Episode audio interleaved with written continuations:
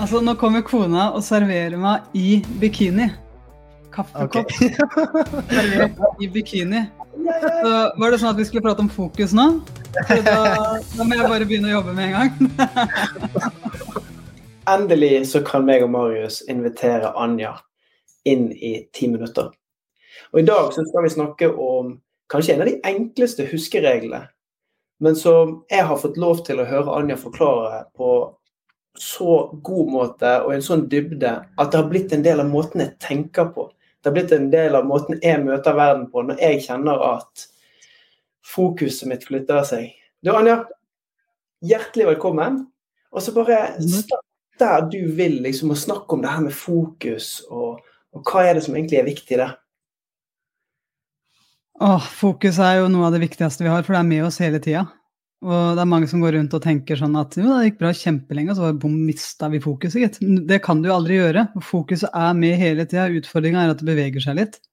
Og det vandrer opp i vår mentale verden, som vi jo er 47% av tida vår. Så når det vandrer, så er det ofte mellom minner og fantasier. Og så blir vi værende der oppe, da. Og det kan vi bruke til en gigafordel, eller så kan vi bare ikke engang være klar over at det skjer, og så kan vi bli på en måte et fokusoffer, da. Og det er jo litt trist igjen. Eh, så fokus er en del av oss hele tida. Og jeg har, eh, jeg har, vært nødt for å trene opp mitt fokus. Og, og måtte liksom lære det litt av hard way. Og brenner så enormt mye for det. For jeg ser bare hvordan det påvirker nå i dag, da. De viktigste menneskene for meg, som er familien min og dere. Eh, det, hvis jeg har mye kjørende oppi her sånn, og i min mentale verden som ikke nødvendigvis er positivt da, for meg og folk rundt meg, så, så, går det utover relasjonene mine, og det går også utover hvordan jeg ser meg sjøl. Men hvis jeg trener det opp og er bevisst om det, så plutselig så har jeg det bra inni meg på ekte. da. Og det, det er det som gjør at jeg liker å trene opp fokus. For vi mennesker er jo sånn at vi kan tendere til å enten henge fast i fortiden, i det som har skjedd, og så lar vi det gå og, og gnage på oss, og vi tenker at det burde jeg gjort annerledes, og hvorfor skjedde det, og hva er det som er konsekvensen av det jeg gjorde? Og så sånn som du sier, fantasien, de tingene som kommer. Som vi, ikke, vi har egentlig ingen råderett over det. Det som har skjedd, får vi ikke gjort noe med. Og det som kommer, det vet vi ikke hvordan kommer til å skje. Så hva er det, hva er det som er din både leveregel eller huskeregel for å overkomme det, da, hvis vi kjenner at det flakker? For meg så er det et veldig kort engelsk ord som heter WIN, W-I-N, som står for What's Important Now. Og det er å komme tilbake i øyeblikket. Det handler egentlig om øyeblikket. Fordi i det øyeblikket jeg merker at fokuset vandrer, så kan jeg stille meg sjøl spørsmålet 'win', så kommer jeg tilbake i øyeblikket. Og jeg syns det er så gøy med ordet 'øyeblikket'. Fordi mm. når jeg da er tilbake her, da, i nåtiden, i øyeblikket, så trenger jeg egentlig bare da å feste øyet mitt på noe. Altså blikke noe med øyet mitt da, da, er jeg lengre i nå-øyeblikket. Og det, det syns jeg egentlig er veldig, veldig fint. Så jeg bruker win-teknikken mye. Jeg begynte med det når jeg spilte håndball og trengte å være i flow på banen. Og så bruker jeg den mye nå når jeg, når jeg er sammen med dere i podkasten, eller når jeg er med kona mi og blir servert kaffe i bikini og sånn. For det, det er jo sånn rent forskningsmessig, da nevrobiologisk så sier vi det at vi klarer maks å være til stede i nåøyeblikket i tre sekunder før vi flakker. Og det er jo litt sånn interessant hvis vi da blir værende i fortiden, eller blir værende i fremtiden, og så har vi gjennom Win da muligheten til å komme tilbake her og nå. Men hvordan Jeg liker også å bruke eksempler for meg, da. Så hvis du skulle hjulpe meg, hvordan kunne jeg tatt dette her inn som en del av, av min hverdag? Når er det det viktig å bruke Win? Når er det viktig for deg å være i nå-øyeblikket? Det er jo stort sett Spesielt når jeg er i, uh, i møter. Når jeg er sammen med familien min. Sånn konkret når jeg er sammen med koden min og med barna. Um, hvis jeg skal skrive noe, f.eks., som ikke handler om å være kreativ i fremtiden. Mm. Og, og, det her er jo i, i, situasjoner, og alltid før øyeblikk så har du et mellomrom der du går fra noe til noe annet. Og hvis du ser på hånda di nå, da, så har du fem fingre. Hvis de fem fingrene dine er dine oppgaver gjennom dagen, så, så, kan du vite at alle de oppgavene trenger ulike ting fra deg. Når du skal være hjemme sammen med Kristin og ungene, så trenger de noen ting fra deg som denne podkasten her ikke trenger fra deg. Mm. Eh, kanskje en annen tilstand, kanskje en annen nysgjerrighet, kanskje at du gjør noe helt annet. Og det som er viktig da, det er at eh, når du er sammen med Kristin og ungene, at du er sammen med Kristin og ungene. Så hva trenger du å gjøre i mellomrommet da, mellom tommel og pekefinger, da, hvis du ser på de to? Ja. Så vil du se at det er et mellomrom der. Hva trenger du å fylle det mellomrommet der med for å klare å være i øyeblikket her?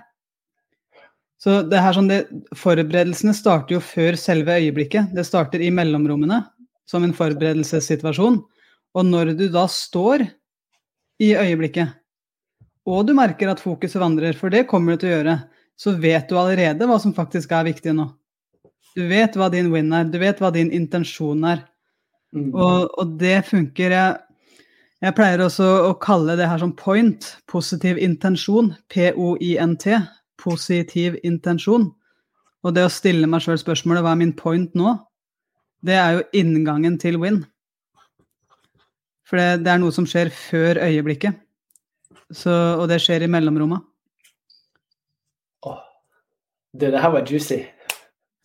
ja, det, men det er en måte å leve på. Det er litt sånn som når du er, du er en ekspert i vaner, og jeg elsker det du gjør med vaner, men det her er jo vaner. Det her er jo mentale vaner som skjer på autopilot når du når du begynner å trene på det, så slipper du å tenke point. Du, du, slipper egentlig å tenke win, for du går bare rett i action. Du går bare rett i gjennomføring på det. Du slipper å tenke hva, hva krever mine fremtidige oppgaver i mine mellomrom.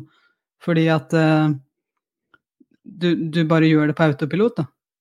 Og så har jeg hørt deg snakke om, og det har jeg lyst til at du skal si noe om nå avslutningsvis. Sant? Når du bruker hånden som metafor mm. Det som vi mennesker gjør, eller som jeg òg kan tendere til å gjøre, er at jeg klasker alle fingrene sammen. Mm.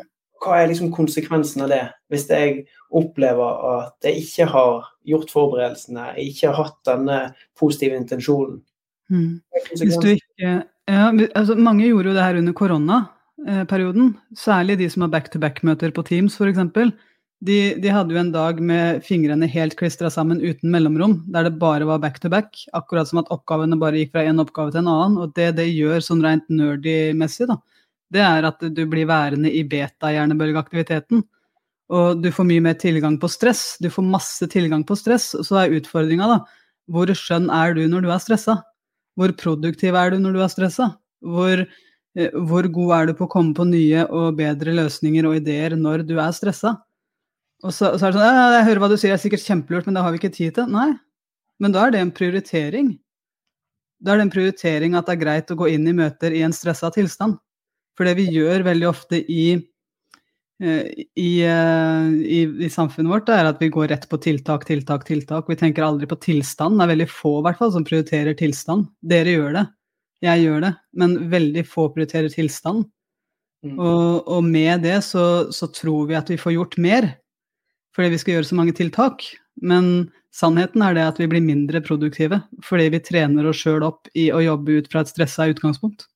Nå har jeg lyst til å oppsummere. En av de viktigste tingene vi gjør i denne podkasten, er å gi deg som lytter helt harde, konkrete actiontips og noen gode råd på veien som du kan ta med deg videre.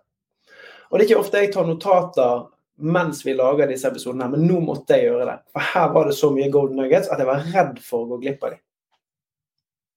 Anja snakker om forberedelser.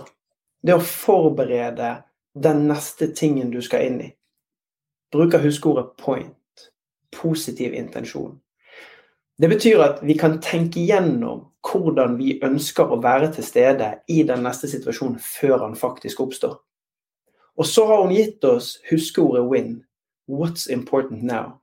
Som betyr at når vi har gjort forberedelsene, sier win til sjøl og står i situasjonen, så har vi lagt strategien. Og så har hun gitt oss metaforen med å holde fingrene åpne og hver av fingrene våre representerer en situasjon der vi har lyst til å være til stede. Og gjennom å forberede godt, så kan vi ta oss inn i den tilstanden som vi ønsker, for å få ut det utbyttet som vi faktisk vil ha. Dette var utrolig lærerikt og fantastisk kraftfullt. Tusen takk, Anja. I like måte.